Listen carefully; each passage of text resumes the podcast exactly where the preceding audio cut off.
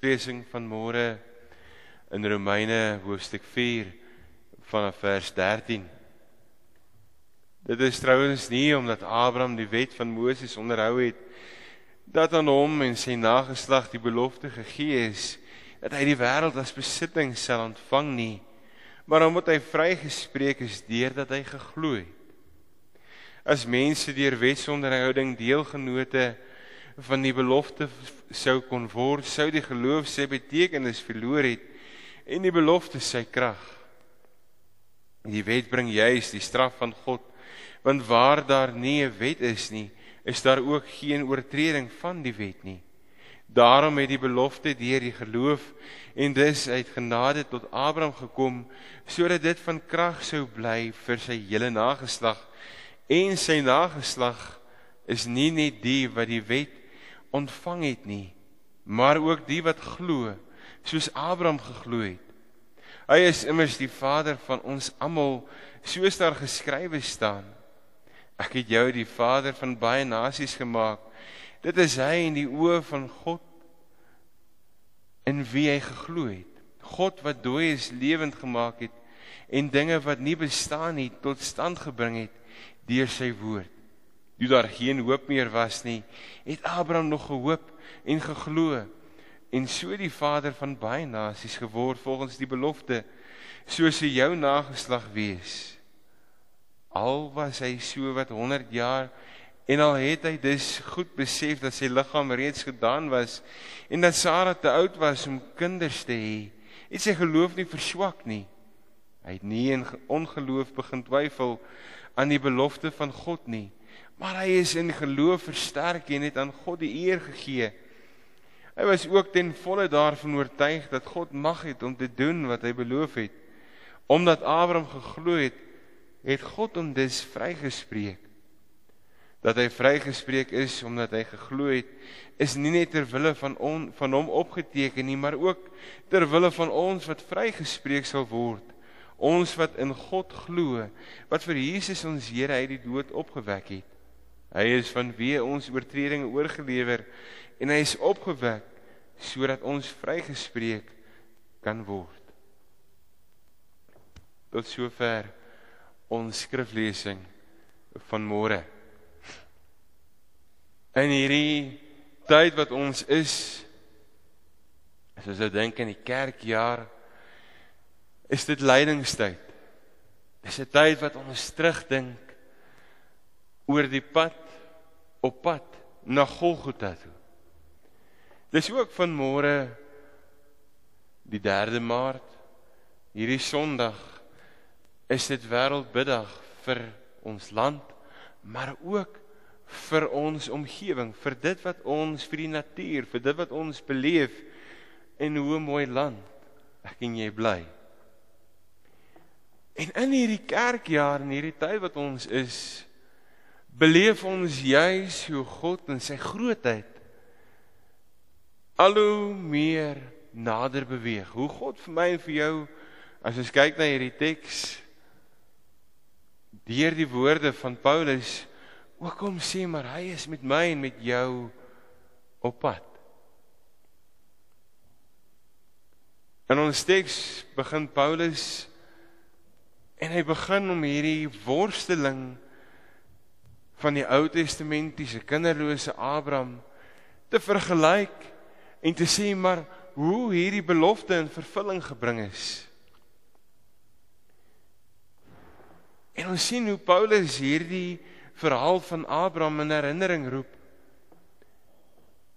En hoe beslissend eintlik Abraham se lewe en Sara se lewe onherroepelik verander is. Wanneer ons iets beleef van God wat met ons op pad is verstaan ons beleef ons omhels ons nie net die wêreld nie maar sien ons hoe God nader tree intree. En sien ons hoe ek en jy daarby ingesluit word. Nas ons na hierdie gedeelte kyk sien ons hoe Paulus daarop kom wys dat God in die strewe en die opstanding van Jesus handel juis om mense se verhouding met hom te herstel. Hoe God besig is om met hierdie stuur van Christus na die wêreld toe as ons dink in lydingstyd. Juis daarop uit is om te sê maar hierdie mense rondom my, hierdie mense van hierdie wêreld wil ek weer 'n kans gee. Wil ek voor 'n keuse stel glo in my. En hierdie verhouding staan dan juis as geloof bekend. As ons daarin as ons dit so vir mekaar kan sê, dan sê ons mekaar maar ons ontvang die geloof, ons staan in 'n verhouding op grond van dit wat God kom doen het. Op grond grond van dit wat Christus kom doen het. Deur sy genade staan ek en jy in 'n verhouding met hom. En reageer ons terselfdertyd met die geloof wat hy vir my en vir jou gee. 'n Wisselwerking tussen die twee en ek en jy is die ontvanger van albei. Aan die een kant die genade van God, aan die ander kant die geloof. En hierdie geloof wat ek en jy ontvang staan in verband met die beloftes wat God van die Ou Testament af reg deurgegee het en in die Nuwe Testament vervul word en so dag na dag in ons eie lewe ook 'n werklikheid word. Broer en suster, ons kan baie keer vir mekaar sê as ons na hierdie wêreld kyk hoe hopeloos ons is, hoe moedeloos ons is. Dat ek en jy op 'n plek is waar ons voel maar ons kan nie meer nie dan kry ons natuurtonele soos die. En ons vra vir mekaar af, maar waar kom dit vandaan? Ons beleef God se goedheid in oomblikke as dit reën. Ons is somme weer opgewonde. Ons het weer durf en daad vir die dag wat voorlê. Daar's 'n opgeruimdheid want ons beleef God se sorg. En in hierdie gedeelte kom Paulus en hy kom praat oor Abraham. Iemand vir wie 'n nageslag eintlik onmoontlik moes lyk. 75 jaar. Gelukkig het nie een van die kinders gesê sy pa is 100 jaar oud nie, maar 75 jaar, 100 jaar later en Abraham en Sara het 'n kind. En hulle noem hom Isak. Juis omdat soos ons die verhaal ken, Sara wat kom sê maar die Here het my maak lag. Daarom sal sy naam Isak wees. Ons kyk baie keer vas in hierdie moeilikhede wat ons beleef. Ons kyk baie keer vas in die onmoontlikhede van situasies.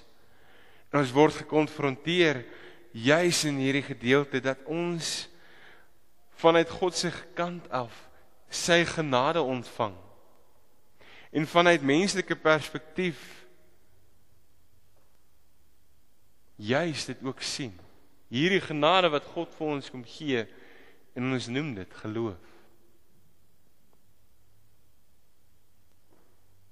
Daar is geen geloof sonder die genade wat ek en jy ontvang nie.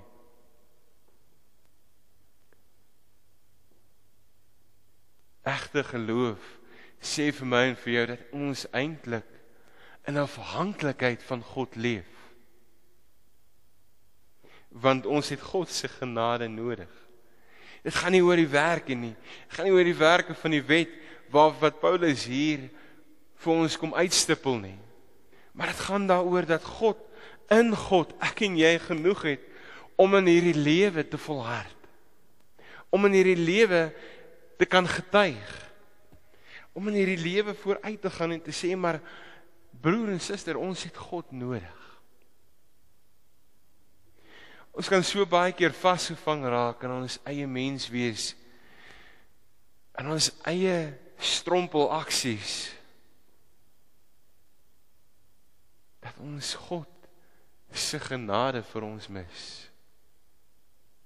Die liefde wat God vir my en vir jou kom gee. Die krag wat ons in Christus se opstanding beleef. Die wete dat God ons kom vryspreek. Die wete dat God ons kom nuut maak in en deur Jesus Christus.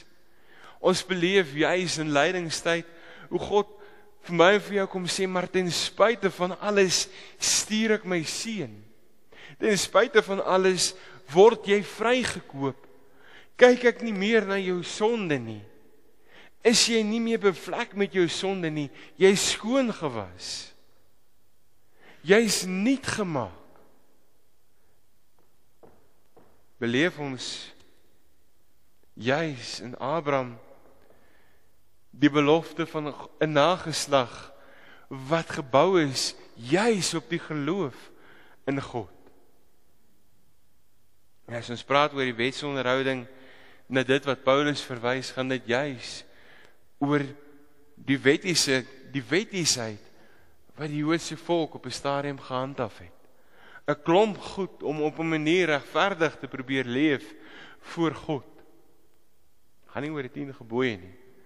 Dit gaan oor reinigingswette. Dit gaan oor om aansien te te kry in hierdie volk by wie hulle leef se oë. Dit gaan juis daaroor om te sê dat ek en jy deur God se genade vrygekoop word. Maar dat ek en jy ook opgeroep word. Opgeroep word om 'n lewe van dankbaarheid te leef.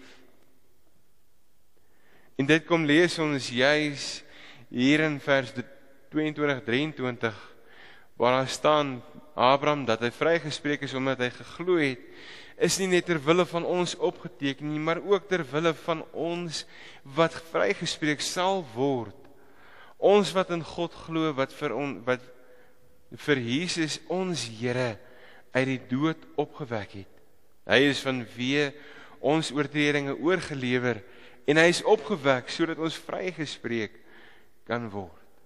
Ons reaksie op die vryspraak wat God vir my en vir jou kom gee, is 'n lewe van dankbaarheid.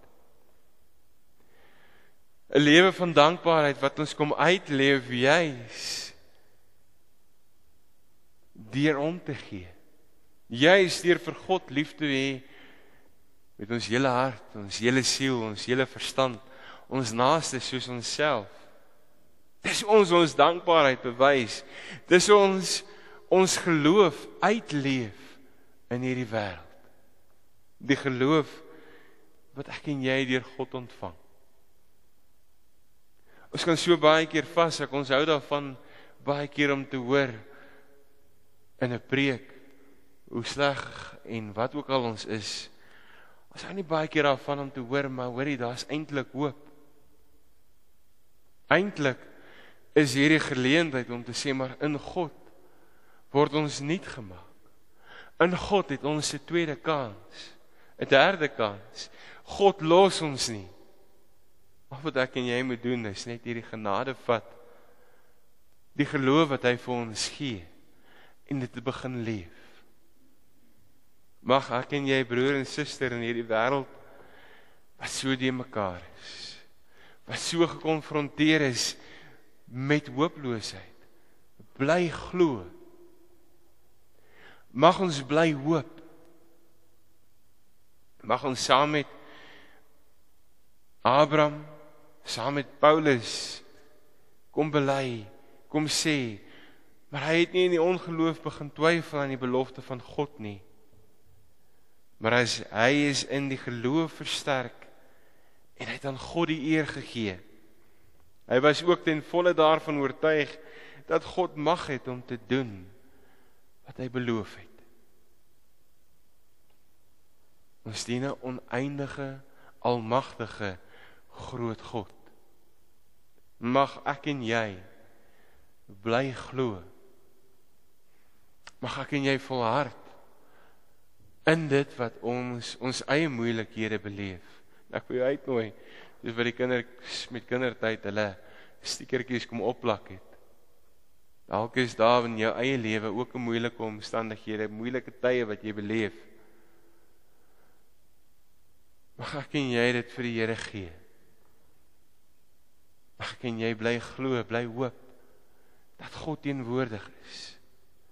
En mag ek en jy ook weet dat God vir my en vir jou die uitkoms op die regte tyd sal gee.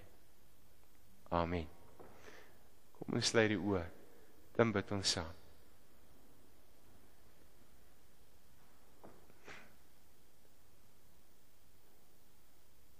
Here, dankie Here dat ons hier kan kom stil word in u kerk en u gemeente hier waar ons as gelowiges bymekaar is met die wete dat u ons God is. Dankie Here dat u ook die Here is wat ons nader roep, nader trek, vergewe, vryspreek, kom nuut maak. Sodat ons ook in hierdie wêreld Here kan leef met geloof met hoop op U. Mag ons dit ook doen. Mag ons daar waar ons so baie keer Here moedeloos word. Daar waar ons so baie keer Here te neergedruk voel, ons rug teen die muur. Mag ons bly glo en hoop en weet Here, U hou by U beloftes. U gee vir ons die krag en die genade. U gee vir ons U uitkoms. Ons kom bid dit en ons kom vra dit Here in U naam. Amen.